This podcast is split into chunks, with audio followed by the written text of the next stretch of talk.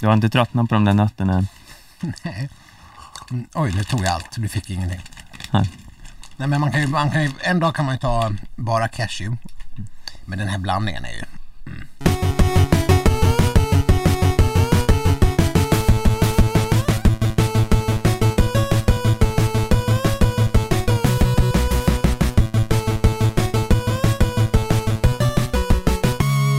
Ja men halli hallå skidsnacks-lovers där ute.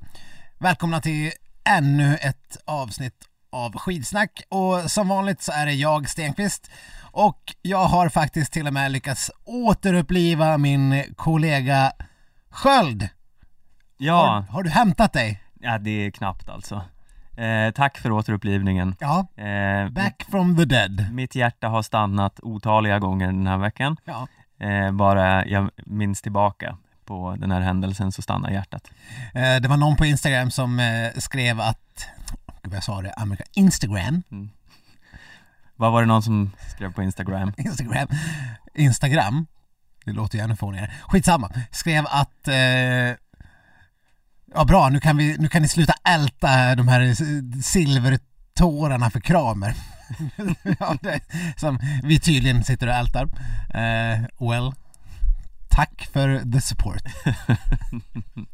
för nu har vi nya eh, glädje, ja silvertårar, det är ju inte bronstårar heller, men tredjeplatstårar. Ja, och sådana tredjeplatstårar. Ja, det här är det största som har hänt den här säsongen. Ja. Eh, släng alla jävla VM-guld i papperskorgen. Ja. Det här eh, slår allt. Ja. Eh, om ni har sovit under en sten så pratar vi ju givetvis om Jens Burmans tredje plats i femmilen i Engadin. Mm. Eh, Lite re- respektlöst mot Jonna Sundling kan jag ju lite känna att hon ska slänga sina VM-guld i papperskorgen bara för att... eh, Men visst, fortsätt. eh, ja, nej men eh, jag vet inte om jag någonsin har sett ett så fantastiskt lopp. Nej. Sån, sån, eh, sånt eh, liksom, eh, jag vet inte, eh, taktiskt mastermind, en sån, eh, en sån grace, Ja. en, ja, nej, det, det uppfyllde alla kriterier på eh, vad man kan önska av skidåkning. Vi hånade ju lite grann eh, eh, hur, hur man ens kommer på tanken att ha en fem mils jaktstart. Eh, och, och så mycket till, till jaktstart blev det ju aldrig. För Bolsjunov hade ju inte tänkt göra någon Johan Olsson direkt. Nej, och det visar sig ju precis som vi tänkte att en jaktstart på en fem mil är ju lite poänglöst för Ja, det är ju ingen som går ut från början och sen tänker att jag ska dra hela, nej, hela biten när det kommer en massa klungor bakifrån. nej, Det hade ju varit vansinnigt. ja. Så det var väl liksom, det var ju som en massstart. Jag menar, jag menar efter två minuter var de väl så här 50 pers i en stor klunga. Ja. Typ. Mm. Och på damsidan var det ju också, ja Johaug var inte med, så Nej. då var det ju samma sak där. Ja, precis. ja, hade Johan varit med så hade han bara gått ut med en minut och sen bara ökat Ja. resten av loppet. Det hade inte spelat någon roll hur stor klunga de hade haft. Hon hade varvat dem, fast inte ens en varv på den här banan. Ja, nej det var inget Va? Okej, vi kan ju börja med att prata om själva banprofilen för det var ju, de åkte typ samma bana förutom att herrarna åkte en snutt längre. Ja, Eh, alltså det var ju lite grann som att se ett långloppslopp, eller hur? ja. Det var så här Det var ju det var. helikopterbilder och Och en skoter som gjorde att man fick yrsel. ja, Eh, den skakade ju så otroligt så eh, man låg där nyvaken och såg den här liksom superskakbilden så fick man ju lite panik. Men Och sen eh, sprutar en snö i ansiktet på de här eh, stackars åkarna. här. Men de, de valde ändå att lägga sig rakt bakom den ja, för att få någon form av vindsug. mm, ja, det pratar de väldigt mycket om, det där vindsuget som skoten gav. Eh, men jag vet inte, jag är lite kluven till själva liksom, loppet, för det, det är ju inte jätte det, var, ju- det är inte en jätterolig bana det här. Nej, det hände ju inte. Det var ju, det var ju liksom inga, det var, det var två backar på slutet typ. Ja. Eh, that was about it. Sen Så- var det ju bara mata på. Och det, det blir ju liksom ingenting. Nej, det är ju så här, på en så här lätt bana som är så här lång så är det ju, det är ju inte jättestor poäng att sitta och engagera sig första eh, tre milen. Nej. Eh, det är ju sen det börjar bli lite spännande.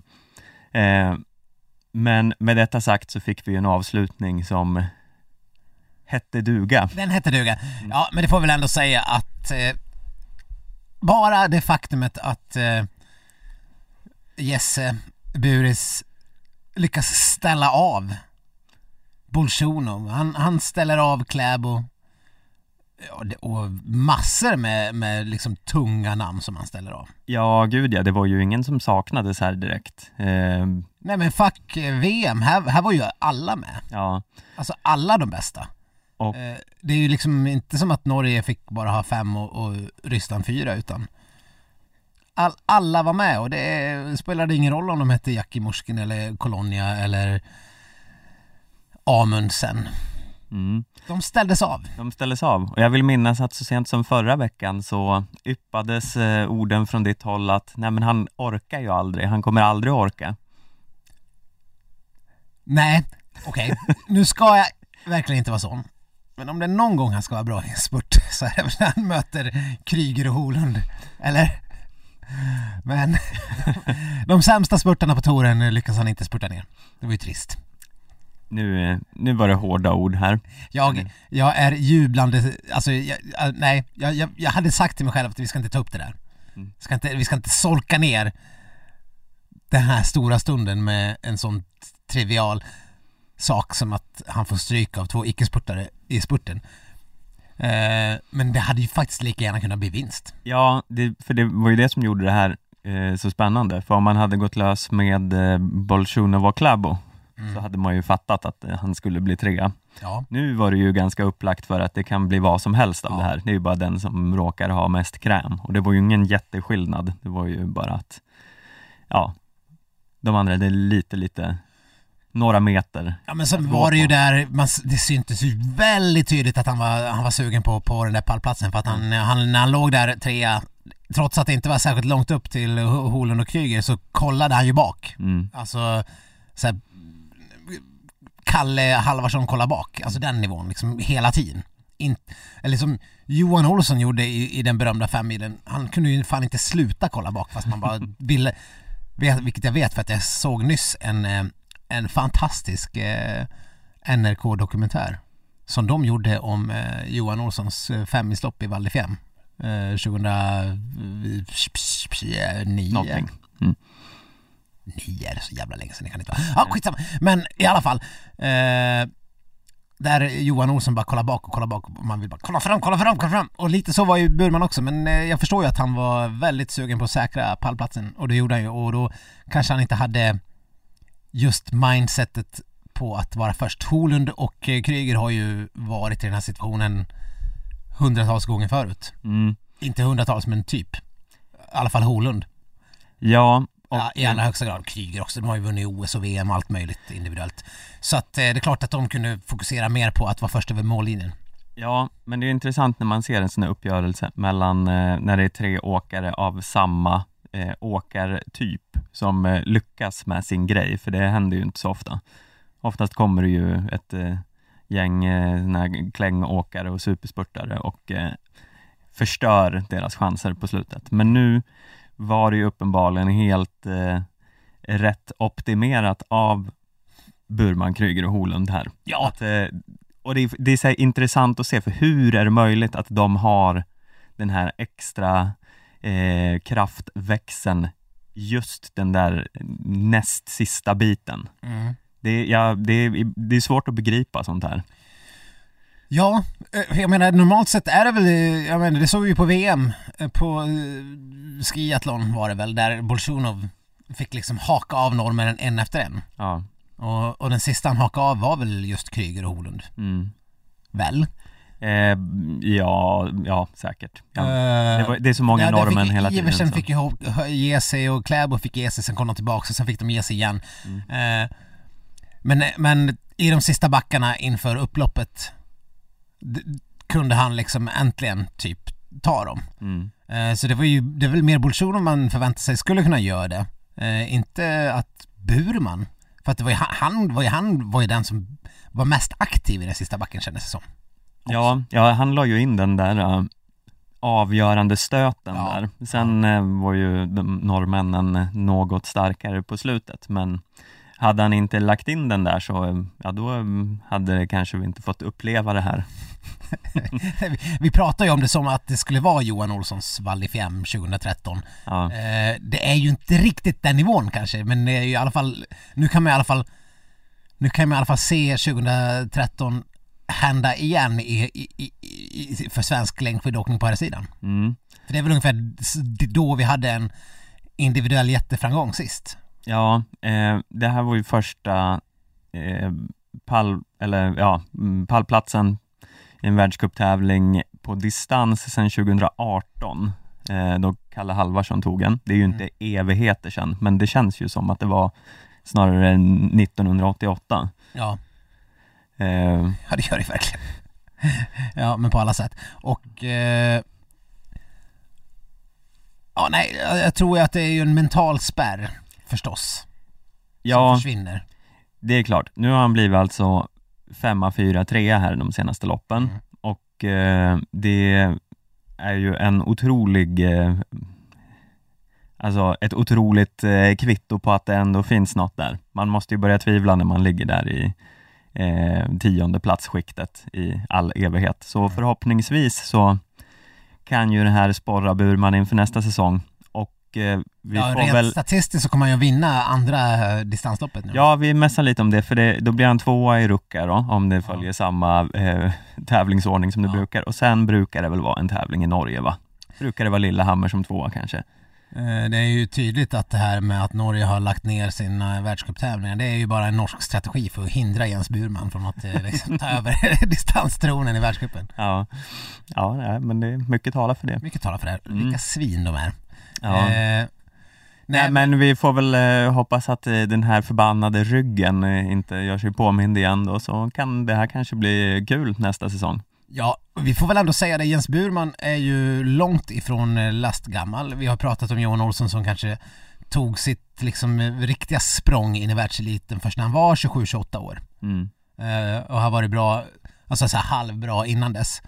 Jens Burman är vadå 26? Senast jag kollade. Om han inte har fyllt nu. Nej, han fyller i augusti. Eh, så att eh, 26 är ju ingen ålder på en häst. Och eller ja, det är det ju, men eh, inte på en, inte på en längdskidåkare. På en häst, ja det är en ganska diger ålder på en Det är häst. så här Järvsö-fax Ja. ålder på en häst. Mm, det är ingen ålder på en här, krokodil kan man säga. Nej, det är Eller det sköldpadda. Eller en sån där jättesköldpadda. Galapagos-sköldpadda. Nej, det är ingen ålder på en sån.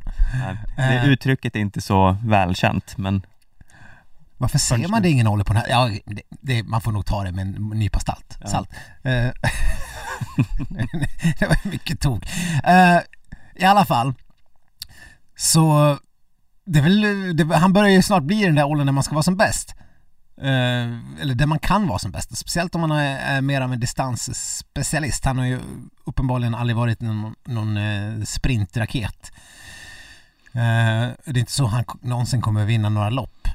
Men jag hoppas han kan göra, vi som har läst Petters självbiografi, mm, det som är en av de episoderna som etsade sig fast hos mig var ju när han beskrev dem, det här har jag pratat om i podden förut men jag, jag, jag tänker på det ofta eh, när man tränar och sådär. det är ju ändå 137 avsnittet så man kan behöva lite recap Ja, av det tidigare episoder. Men Petter beskriver i alla fall hur han, hur han, eh, och det här är väl i samband med att han, när han också har beskrivit sina oortodoxa eh, hälso eller kostintag på de här långpassen eh, som bestod av åtta limpmackor innan eh, träning, eh, åtta limpmackor efter träningen och sen åtta limpmackor eh, efter vilan efter träningen. Mm. Eh, så, så här 24 limpmackor om dagen. Eh, vilket ju... ja. ja, det är fascinerande. Men de träningarna kunde bestå av att han tog rullskidorna och sen körde han tre timmar rullskidor. Och efter liksom eh, det här tre timmars passet, då dundrade han på och körde backintervaller. Ja, Eller någon form av intervallträning. Och varför det? Ja, för att han visste att eh, den moderna skidåkningen och massstarter kommer innebära att jag kommer att eh, behöva klara av att göra de här eh, rycken eh, efter att ha åkt i tre timmar. Eh, och det är ju liksom, det är ju som genialt. Det låter ju vansinnigt men det är ju genialt och i sin enkelhet eh, är det ju så här, varför gör inte alla så? ja. Det borde man ju göra. Jag hoppas att Burman gör det. Jag hoppas hela sommaren att de... eh, Gör inte alla så? Men det Eh, har kanske vi, har jag vi vet- jag vet, bevis jag på har att inte- jag har alla gör så? Jag har inte frågat. Nej. Men de borde göra det. Ja. de borde göra det lika mycket som eh, Ebba Andersson borde träna skidbyte eh, en gång om Ja, dagen. William Poromaa borde också ta, Ja. träna lite skidbyte. För övrigt. Eh, ja, nej men man får, nu, herregud. OS-guld 2022 i stafett, det har vi ju pratat om redan. Det finns ju, eller det kanske finns inga hinder. det finns, det finns inget, vi har, vi har Burman som numera är världsklass. Mm. Han, han är ju det, han är ju, han har ju visat på det här VMet och avslutningen att han är Nu är han eh, topp 10 distansåkare i världen. Mm. Det får man ändå säga. Det får man säga. Eh, om man kan hålla sig på den nivån, det vet vi inte. Men, men det senaste, halv, senaste halva säsongen så har han ju varit det. Och det, det har vi inte varit bortkastade med överhuvudtaget. Poromaa, superung, enorm potential. Mm. Kan också snart vara topp 10 i världen i distans. Ja. Eh, och då har vi som sagt 200 olika ryssar och nor- norrmän som man tampas mot. Men det är liksom det är fullt realistiskt möjligt att han kan vara det redan nästa år. Och vi har väl trots allt en Kalle Halvarsson. som, Har vi? Har vi? Eh, jag, jag vet inte, jag, jag antar att vi har det. Ja, ja det, vi har ju det, det har vi. Vi har, ja, vi har, vi har. Frågan är vad, vad vi gör med den, eh, den, eh, det havandet. Ja. Alltså om man bara lyckas undvika bodybuilder-träning och, och annat stort. Tog, han, hade ju, han har ju haft sin bästa sommar eh, i sin karriär Mm, och så blir det så här. ja. Ja, nej men jag vet inte. Okej, vi får väl rä- räkna med att vi har honom i normal form då. Precis. Och sen har vi Oskar Svensson som har den här säsongen tagit två världscupsegrar. Mm, Det är lätt att glömma det. ja. Eh, Han har varit i VM-final igen. Han var i OS-final för tre år sedan. Nu är han i VM-final i sprint. Eh, han har varit sexa tror jag väl i ett distanslopp mm, den här säsongen. Eh, gjorde en, en, eh, en grym sträcka på VM-stafetten. Så att, eh, alltså om inte det här laget ska kunna vara en riktig medaljkandidat på OS nästa år, då, då, då, det, det hade man inte trott för ett halvår sedan. Nej, det hade man inte trott för eh, eh, Ett, en månad sedan. månad sedan. Nej. eller? Men, men nu, eh, måste vi, nu måste vi verkligen börja ställa de förväntningarna. Vi har, ju, Ja. vi, har ju, vi har ju i väldigt många säsonger nu klagat över den totala bristen på ett eh, slagkraftigt herrlag. ja. Lag. Nu kan vi inte göra det längre. Nej men så här, vi får hoppas att coronan lägger sig lite så att vi har råd att ha, eller så att vi kan ha en större eh, stab med. För då skickar vi med en, eh, en taktisk eh, diktatortränare som får eh, eh, sätta bannor på Oskar Svensson och Kalle Halvarsson. Ja. Vi har med någon form av spirituell eh, eh, rådgivare till eh, Kalle Halvarsson Mm. så att han kommer i inre lugn. Ja. Och någon slags eh, super eh, fysio ryggguru Mm. som eh, ser till att inte Burman knäcker ryggen. Ja. Eh, och så behöver vi ju en eh, skidbytes eh, eh, nazi också Ja, som, eh, som Ja. håller koll på Poromaa. Så ja, då jävlar. ja, men alltså något av alla alla dessa liksom tiotal läger ni ska göra i sommar och i höst och när ni ska ner i Alperna. Släng in ett par timmar skidbytesträning. Det, är, alltså jag, det kostar ingenting! Nej, Det kostar ingenting. Ni kan göra det efter ert vanliga träningspass. ja. Nu ska vi, nu ska vi byta skidor. Man kan korta av lunchen med 10 minuter Ja. innan med ett litet mikropass skidbyte. Precis. Eller innan man ska gå och lägga sig, man bara äh, fan jag går ut och kör 10 minuter skidbyte. Ja, jag kan tänka mig att det så här, spelas en del tv-spel på hotellrummen eh, Mm. bland de här. Skippa en kvart tv-spelande, öva lite skidbyte. Men jag vill också upp, upp, upp, upp, eh, uppmana att man gör det här i realistisk miljö. Så man kanske ska göra det också i anslutning till efter ett hårt pass. Mm. För det här kommer ju ske under stor press, under trötthet och under liksom, eh, sådana förhållanden. Kan man eh, baka in det här i Northug-upplägget Ja. med eh, långpass, backintervaller Ja. och sen avsluta med ett skidbyte? Ja, och sen åtta nya limpmackor på det. Mm. Då är vi hemma. Ja. Herregud, det, det kanske luktar guld. ja, alltså det börjar kännas mer och mer så. det trodde man inte heller att man skulle säga för en månad sedan. Nu har vi inte så mycket skidbyten i stafetten vi behöver bekymra oss om. Nej, det är sant. De får lägga in lite sånt, men eh, ja, herregud. Nej, men äh, Rätansbyn, är det något mer vi behöver liksom, äh, vill vi ha sagt någonting? Vill du ha sagt någonting Stefan? Det... Nej, man får väl bara känna att man hoppas att de reser en staty till Jens Burmans ära där Ja. uppe nu. Eh, då kommer i alla fall jag vallfärda till eh, Rätansbyn och eh, knäböja. Ja. Eh, sen, eh, sen undrar man ju lite grann hur det blev med den där ölen. Ja, just det. Ja, Burman sa ju i en intervju med Sportbladet att eh, han skulle eh, fira han och Poromaa med och de skulle unna sig en öl efter. Mm. Och då eh, frågade vi, eh, som eh, följdfråga på det, om det bara skulle bli en verkligen. Eh, varpå Burman sa att nej, det säger jag bara för att låta Precis. Pro, proper. Det kanske blir två. Mm. Ja. Hur många blev det tror du? Ja, Jag, jag har ju faktiskt frågat Burman på Instagram men han han har inte svarat Nej, Okej. i ett inlägg. Eh, men vi, så det, det är hörligt i dunkel, det är ett mysterium. Mm. Vi får se. Eh, jag, jag, Tre tror jag. vi får se, nu ska ju både Burman och Porma åka eh, Vålådalsloppet eller vad de nu kallar det. Ja. Eh, det har ju varit lite inställda här eh, Ski Classics-lopp så då har de eh, lite så här på en höft skickat in ett nytt svenskt lopp Mm. istället. Eh, jag såg att Burman hade hoppats att, eh, att det skulle vara tuffa förhållanden så att det skulle behöva, att det skulle kunna gynnas eh, att ha fäste. Och då vet jag inte riktigt om vad han tror att han ger sig in i. Det är väl ingen som kommer åka med fäste. Det har de väl inte gjort i Ski Classic på 5-10 år. Nej, De verkar inte gilla det där. Så ja, det, det kan vara en eh, Han kommer se ut som taktik. Oskar Svensson i VM-finalen.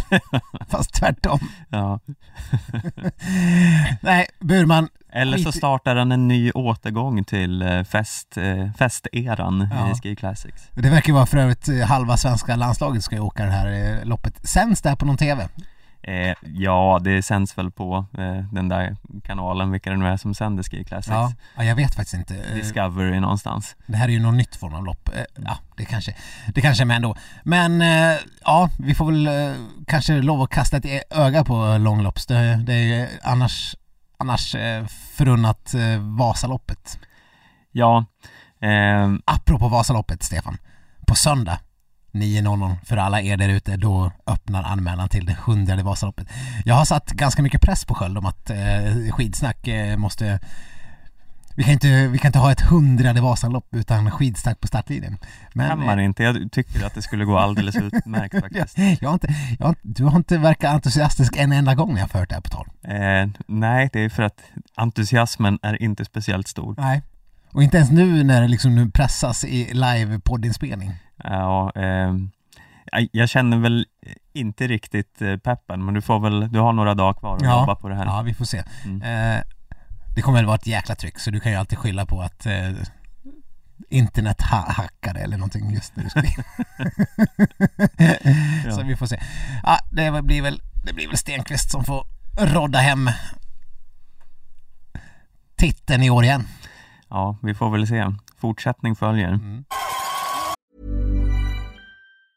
Hey, I'm Ryan Reynolds. Recently, I asked Mint Mobile's legal team if big wireless companies are allowed to raise prices due to inflation. They said yes. And then when I asked if raising prices technically violates those onerous two year contracts, they said, What the f are you talking about, you insane Hollywood ass? So to recap, we're cutting the price of Mint Unlimited from $30 a month to just $15 a month. Give it a try at mintmobile.com slash switch. $45 upfront for three months plus taxes and fees. Promo rate for new customers for limited time. Unlimited more than 40 gigabytes per month. Slows. Full terms at mintmobile.com. Ja, men innan vi lämnar eh, världscupsavslutningen så får vi väl ändå nämna vår andra succé här, eh, Ebba Andersson, som ju, om man ska vara helt ärlig, var snäppet bättre än Jens Burman, men eh, försvann lite i eh, eh, in the moment här. Ja, Eh, men Ebba blev ju då alltså tvåa och eh, hon tog hem tredjeplatsen i världscupen. Mm. Eh, och det har inte hänt sedan 1988 att en en svensk svenska kvinna hamnar på pallen. I totala världscupen. Ja. Nej, det är ju jättestort. Det Ja, får ju fundera, hur, hur är det ens möjligt? Vi har ju haft liksom så här Ordina och vi har haft eh, eh, Charlotte Kalla i 15 år Mm. och allt möjligt. Vad, vad har de liksom gjort? Ja, Stina Nilsson har varit jättebra sprinter och eh, samtidigt en hyfsad eh, distansåkare ändå inte kunnat nå högre i totalen. Men det, det säger ju någonting om hur extremt jämn och bra Ebba har varit. Ändå. Ja, eh, ja det är helt otroligt. Hon har ju varit, hon har varit på pallen tio gånger den här säsongen och då har det ju inte varit så fruktansvärt många lopp heller Nej. eftersom det, hälften har ställts in känns det som. Så det, man för ändå, hon har ju varit lite så här, Frida Karlsson har ju oftast eh, varit någon placering högre upp eh, och så. Sen har ju hon haft eh, alla sina problem med Mm. diverse allt. Så då glömmer man lite hur extremt hög och jämn nivå Ebba ligger på. Ja. Sen är det ju lite grann för jävligt att eh, det är ständigt denna Heidi Weng som vi ska behöva prata om. Ja, jag vet Eh. inte riktigt vad man ska säga om det. Det är, Det känns ändå, det är ändå ganska kul att hon, eh, att det finns någon mer bra tillbaks. Det var ju ändå lite synd att inte Ebba kunde få vinna det här loppet. Eh, Men Ebba har ju sällan det som krävs sista kilometern. Hon drar och drar och drar och drar och drar och drar och drar. Hon måste nog i större utsträckning få coachning eller tänka över hur hon ska lägga upp loppen för att kunna vinna. Hon har varit på pallen ungefär 25 gånger i världscupen. Hon har vunnit en gång. mm, Och, då, och den gången så var det ju verkligen taktik. mm, Det var ju någon form av taktikseger. Där halva svenska laget, framförallt Linn Svan, kliver in och försöker störa bort Diggins mm. uppe för Alpe Cermis. Vilket också lyckas. Och det lyckades och Ebba kunde gå loss och få tillräckligt stor lucka för att Diggins inte skulle kunna masa sig fast i rygg. Men annars så ser det ju det här är ju ett problem vi har varit inne på med svensk eh, Södergrens syndromet som var tidigare. Man alltid låg och skulle dra. Mm. Och sen eh, sista två kilometerna så kom eh, spurtkanonerna och bara drog förbi. Ja, Eh, och Ebba börjar ju lite grann förvandlas till den personen nu när hon inte lyckas knyta upp säcken, inte ens när Johaug är borta som hon var i helgen. ja. Sen S- har ju hon, eh, alltså hon har ju eh, en eh, högre spetsnivå och på damsidan rycker de ju ifrån några stycken alltid, så hon har ju ändå pallen i, i sin hand liksom. Eh, men hon kan ju, hon har ju uppenbarligen svårt att dra det där yttersta oavsett vem som, eh, vem som vinner för veckan så är det ju inte hon. Nej, men om man ser liksom pallplatser, och- nu har inte jag tagit fram någon procent på det här, men Linn Svan Ur röven ska jag dra en siffra som jag tänker att hon, när hon, de gångerna hon har varit på pallen så är det väl säkert 95% segrar. Mm, Hon är inte tvåa eller trea.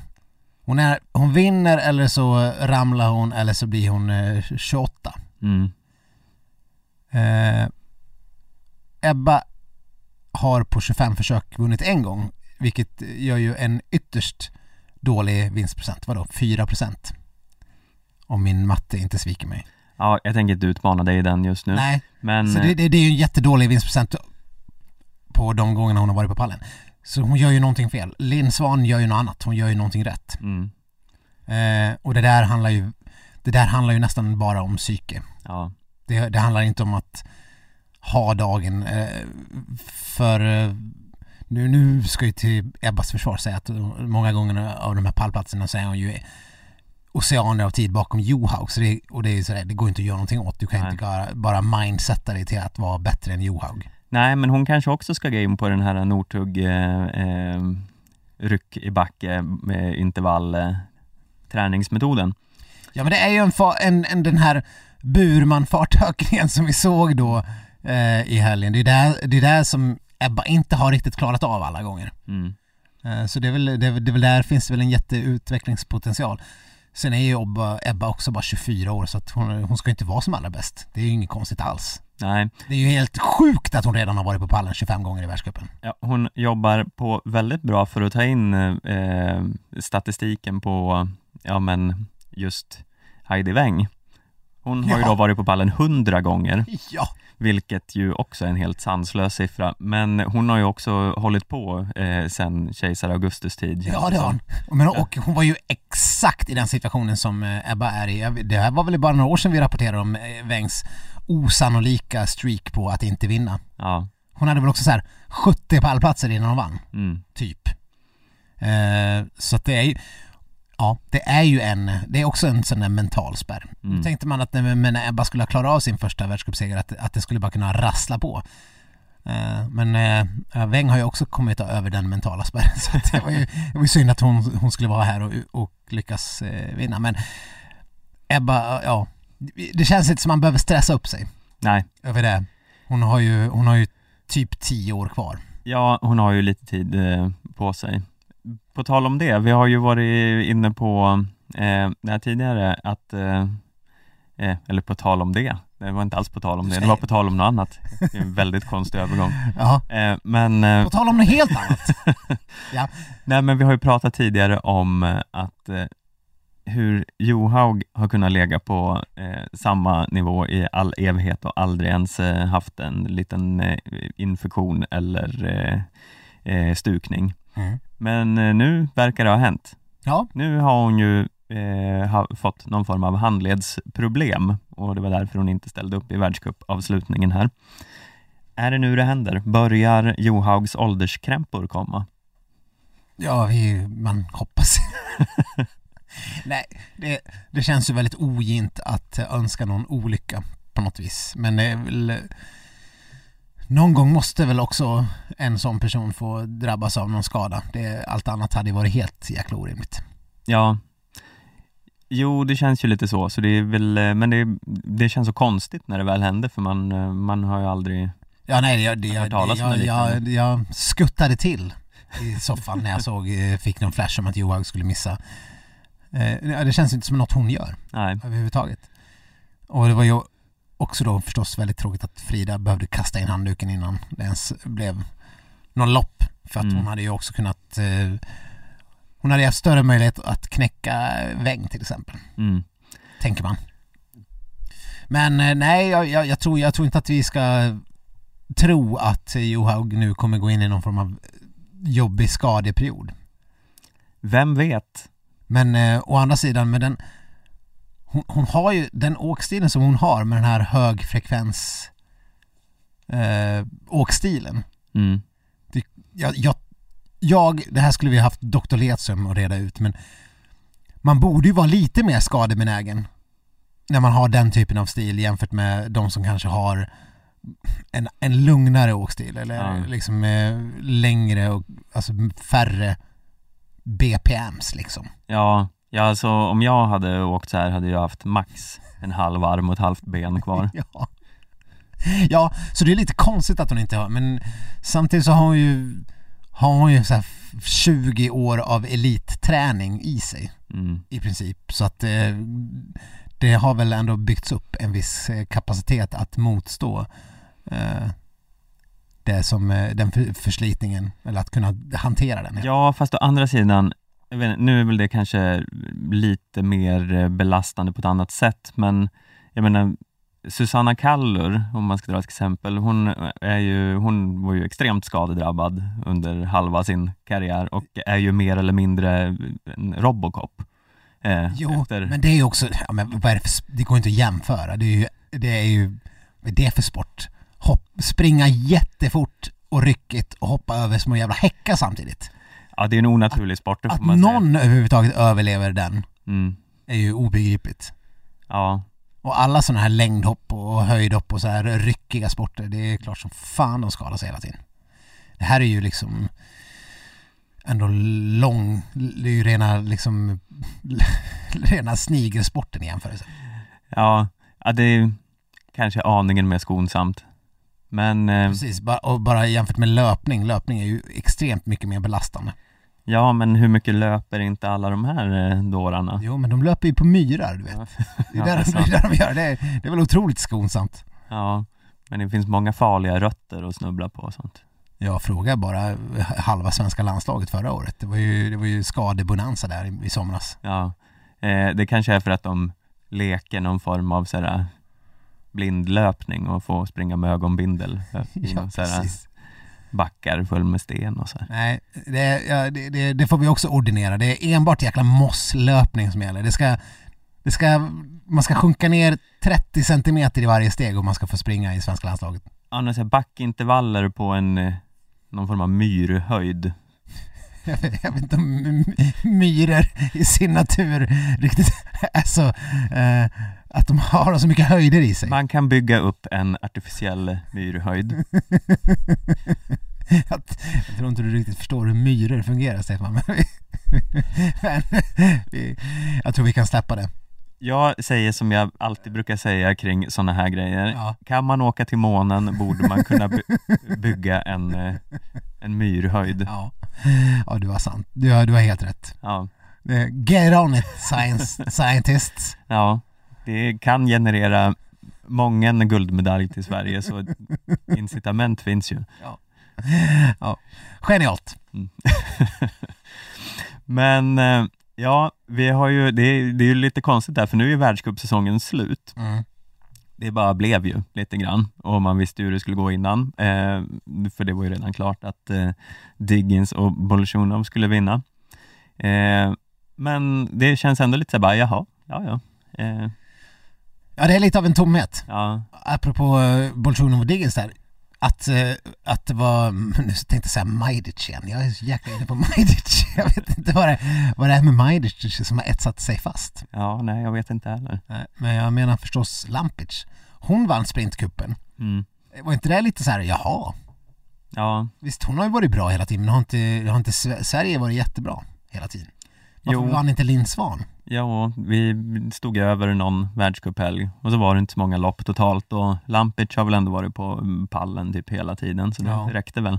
Ja, det är väl det. Men det var lite av en besvikelse. Man brukar, nu, nu såg jag att Sverige vann det här bästa landslaget på damsidan. Mm. Och, men det är ju det är en tävling som ingen har hört talas om. Ja. ja, ja, det är väl lite, vad är det för pris? Ja, det, är, det är som något jäkla tröstpris. Och det måste ju vara så att Norge har vunnit den där på dam och herrsidan senaste, ja men sen, eh, sen vad var det du sa? Kejsar Augustus tid. Sen kejsar Augustus, ja, sen Hedenhös. Ja. Om man nu ska dra en sån parallell. Det det är ingen, kan det vara något annat land som någonsin har vunnit den? Men så det kanske är historiskt, det vi har gjort. Ja, ja förmodligen. Så nu, nu ska vi lyfta den här lagtävlingen till skyarna. Ja. Ehm, ja men kul, då ehm, tar vi med oss det till nästa säsong. Nej men det är ganska absurt, vad är det nu, mars, april, maj? Ja, det är ju det är ju typ, det är mer än ett halvår innan det är världscup igen. Ja, Det känns ju otroligt tomt. ja.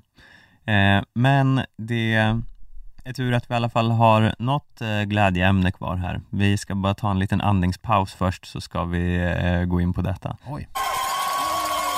Ja, eh, det jag talar om är ju givetvis eh, skidskytte-världscupens avslutning. Och där får vi ju den stora, det stora dramat som vi har, eh, eller dramat, jag vet inte om det är ett drama. Ja, det, är, det är ett drama. Ja, dramat som vi har önskat oss hela säsongen. Ja, har vi det verkligen? Ja, men det har vi. Ja, jag, jag står fast vid det jag skrev till dig när jag skickade skärmdump på beskedet. Ja, Ska jag, ska jag, ska, ja, jag, jag måste, nu, nu har jag sagt A. mm. Men eh, det här är ju inte vad jag önskar, det här är vad jag befarar.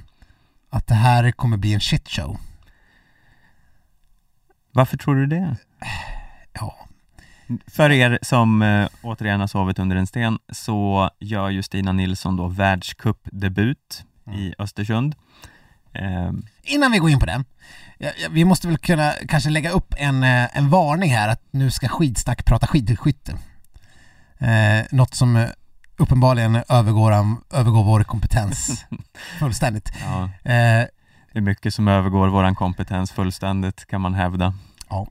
eh, vi, har, vi har tydligen skaffat, det här, det här är någon form av, det här kommer utvecklas i, ett, i en mediebeef. Ja, Vi fick, eh, vi fick en, ah, ja, vad ska man, vad ska, vi fick ett ganska eh, uppsträckande eh, DM på Insta här av eh, skidskyttekommentatorn Ola Brännholm. mm. Eh, han är inte ett fan. eh, nej tydligen inte. Nej. Eh, för det första så hakade han upp sig på att vi hade kallat honom, det var i något sammanhang jag klagade på något han hade gjort, jag tror det var när det var VM och han, han började yra om eh, totala världscupen och Hanna Öberg, eh, hon hade tagit medalj. Jag tyckte, men fokusera på en medalj, vem bryr sig om totala världscupen? Liksom lite fokus här. Tidigare har jag väl kanske också, jag har varit lite gnällig, har gnällt på hans eh, omotiverade skratt hela tiden. Han skrattar åt Björn Ferry, han har svårt att hålla sig för skratt när Björn Ferry skämtar. Och det, det blir så här pajig TV. Kommer från han som anklagas för att ha ett fejkskratt här. ja, hela tiden. Bergslagen-killen tror jag han kallades för. Ja, precis, det är jag som har ett fake. Tack!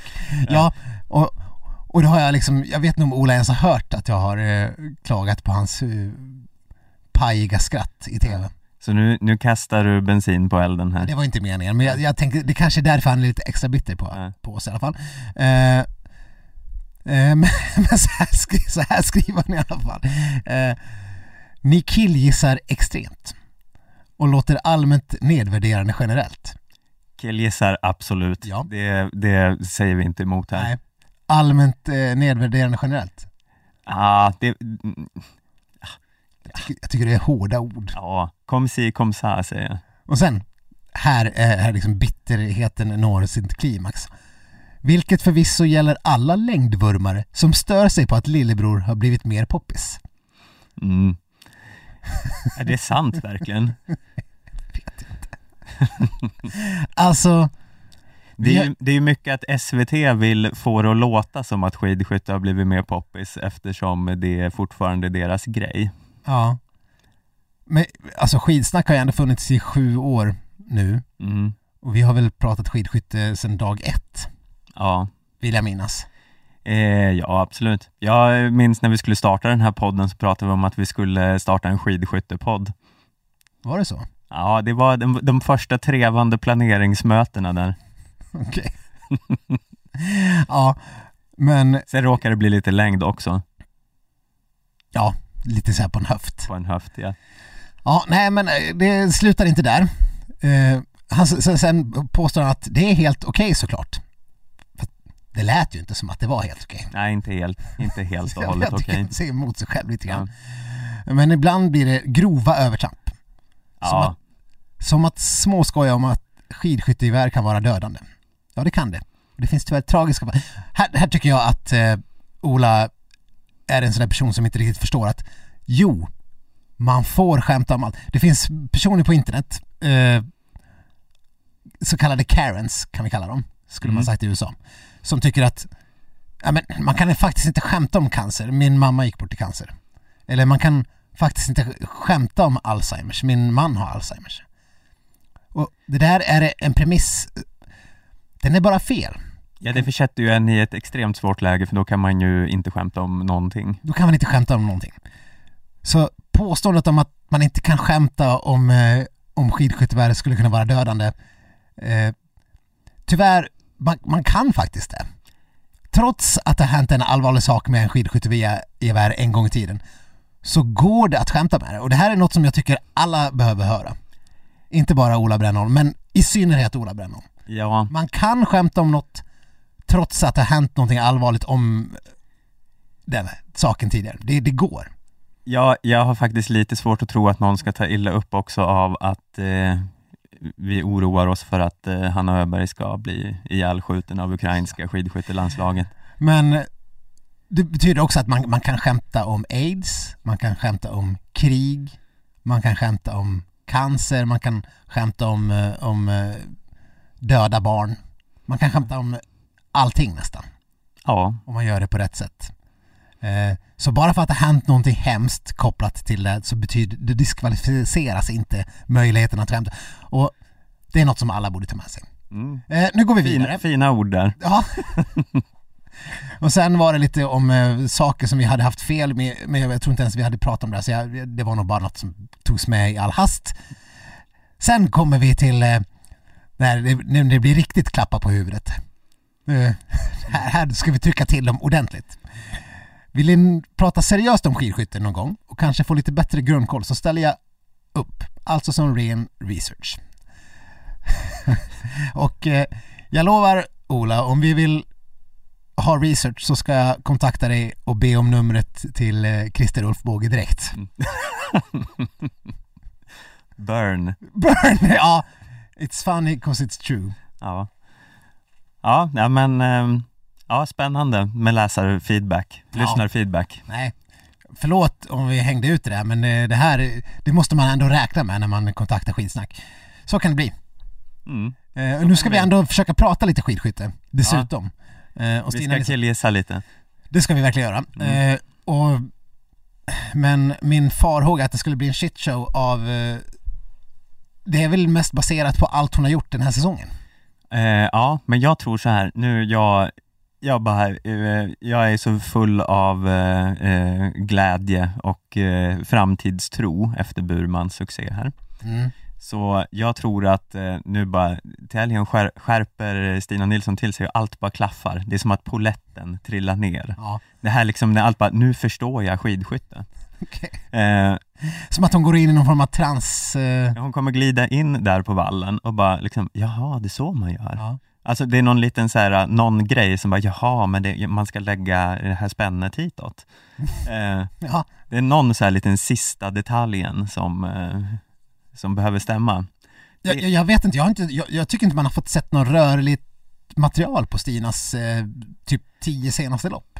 Nej, det är ju lite si och så med det där från IBU, IBU-kuppen att få tillgång till. Det, var, det var ju någon sån här hittepå-tävling i Sverige, Mm. någon, eh, de hade där, där hon var med.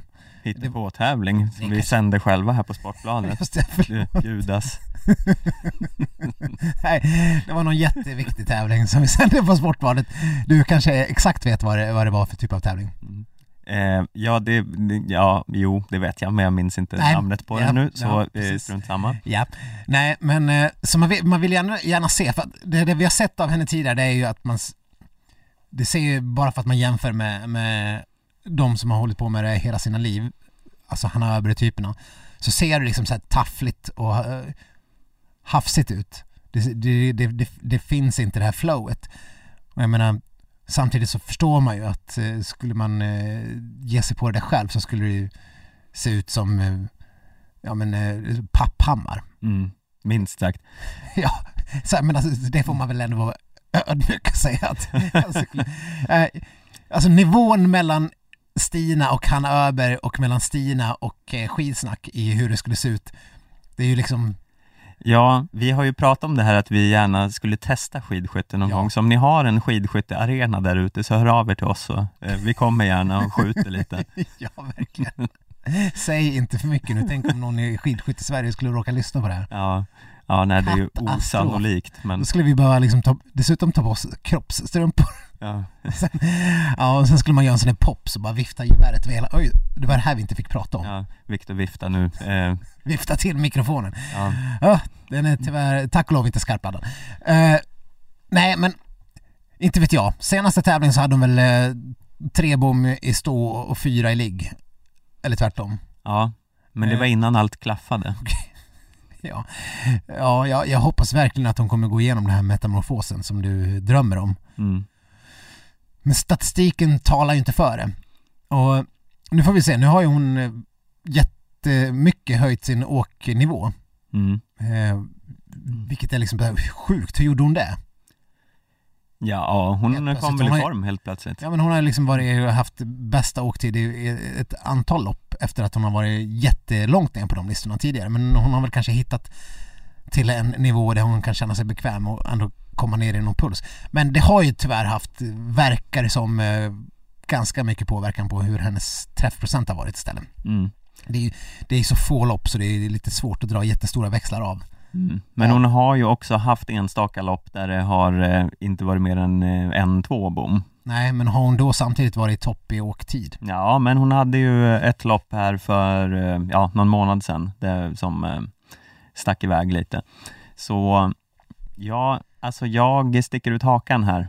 Jag tror det blir eh, världscuppoäng. Nej men lägg. ja. Du vet väl att de är typ 80 pers som kommer åka? Ja, jag är väl medveten om det, men jag säger ju det, jag sticker ut hakan Ja, här. det får man ju En säga. utstucken haka eh, ska man, eh, det är ju liksom vad det är. Ja. Det är liksom kroppsdel som bara liksom Sticker- skjuter ut från ansiktet. Ja, jag förstår. Ja, nej, eh, tyvärr, jag önskar att jag kunde andas denna optimism. Mm. Men det kan jag inte. Det, det, skulle inte ligga, det ligger inte i min natur. Frammana din inre Burman här så... Ja, Mm. Visst. Eh, jag, jag hoppas verkligen att hon skulle kunna göra uh, det. Redan när ni lyssnar på det här, om ni är morgonpigga så eh, är det ju bara timmar kvar till loppet för att jag tror att damernas sprint skulle vara typ 12.30 på Oj, oj, oj. fredagen när detta avsnitt ska landa i poddhyllorna. Säger man så? Nej, det gör man inte. Nej, men, man eh, men visst. När de når era, när det plingar till i era mobiler och ni ser att ett nytt skidsnack har, har träffat rätt. Eh, får vi hoppas att Stina träffar rätt, men jag tror tyvärr inte det. Jag tror att hon kommer dundra in en eh, två bom i ligg och tre i stå och så var den dagen förstörd. Äh, våga dröm. Ja, verkligen, jag, jag drömmer. Men, men tyvärr tror jag inte att om hon är så typ skjuter fullt så kommer hon inte kunna vara topp 30. Det är, det är ju tyvärr den bittra sanningen just nu. Eh, hon behöver mer tid. Ja, ja, ja, ja. Eh, man, eh, man eh, tjänar inget på att vara, vara en eh, dysterkvist här Nej i men världen. alltså det här, man tjänar väl ingenting på att vara så här orimligt eh, eh, leva i någon drömvärld heller, eller gör man?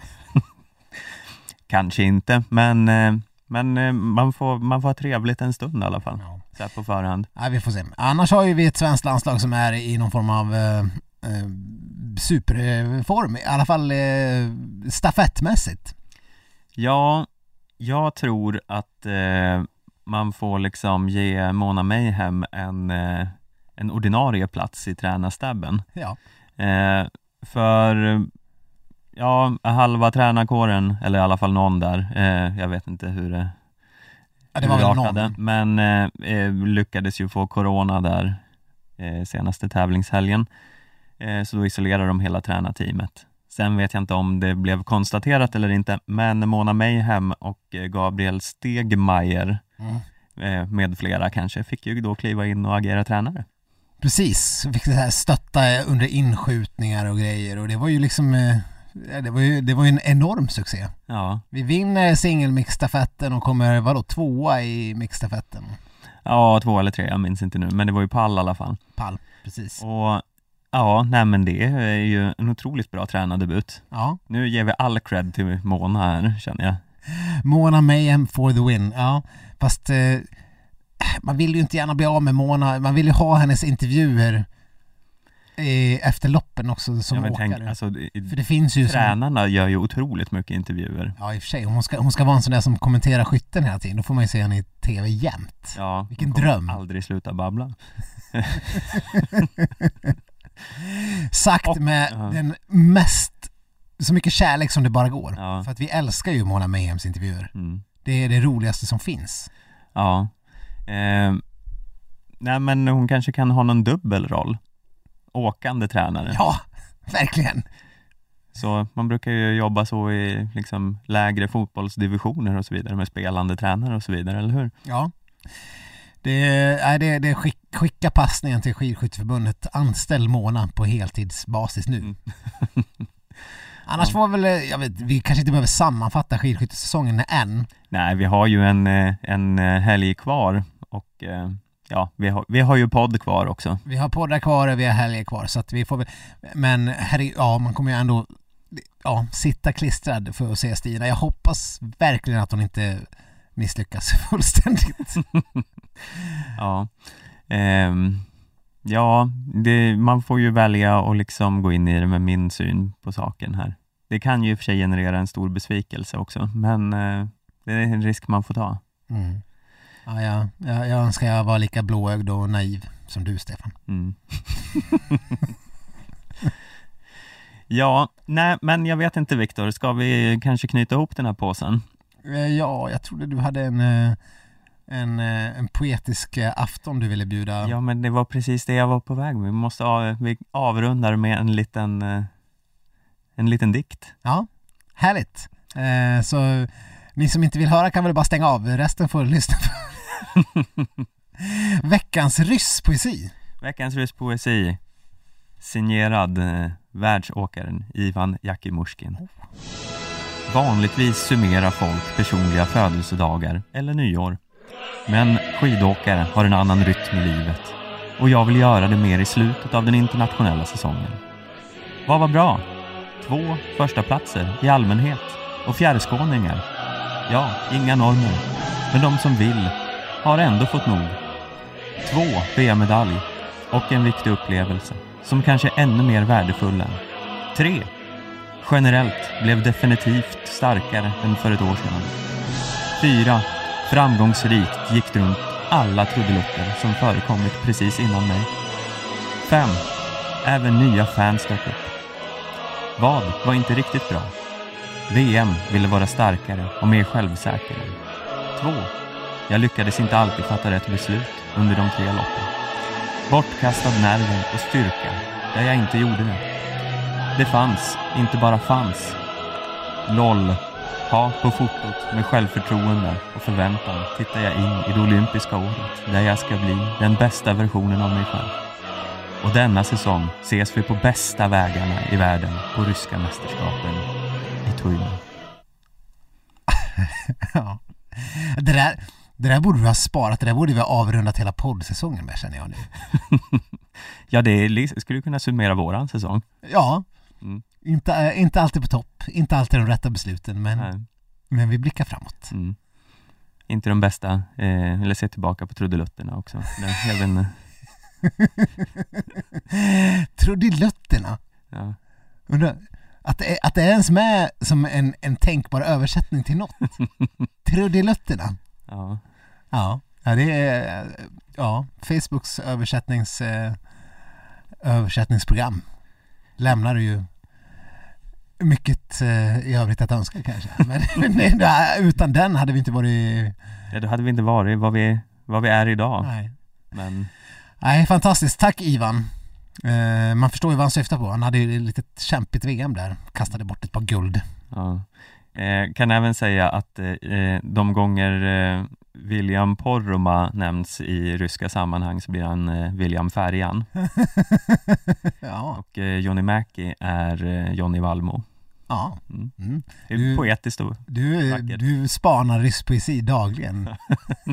det hör jag. Ja, det här var faktiskt ett inspel från en eh, trogen eh, lyssnare Ah. som eh, har eh, studerat, eh, eh, börjat studera rysk poesi. Jaha. Mm. Mm. Vad fint. Tack för den. Eh, det, det, det tror jag måste göra att vi får tacka för idag. Ja, eh, det får vi göra. Och eh, Vi nästa... kommer, ja, vi måste hinna säga det. Vi har ju lite olika tävlingar och, och sammanfatta. Eh, Managerligan eh, eh, är ju avgjord, eh, den Aftonbladet Managerligan. Eh, Det är ju den andra också. Men vi har inte kommit så långt att vi har lyckats eh, samla ihop allt där. Nej, och eh, fantasyligan, eh, Noah Hoffman-ligan, eh, kommer vi också att eh, gå igenom nästa vecka. Eh, så, ja, så länge får ni väl eh, Kolla på skidskytte. kolla på skidskytte. Ni får risa och rosa oss på skidsnack.aftonbladet.se på Instagram och Facebook under skidsnack. Eh, så får ni ha det så bra, så Ja. hörs vi igen nästa vecka. Slida in i DM, då kan ni bli uthängda här. Ja, det blir kul. Hej då! Hej då.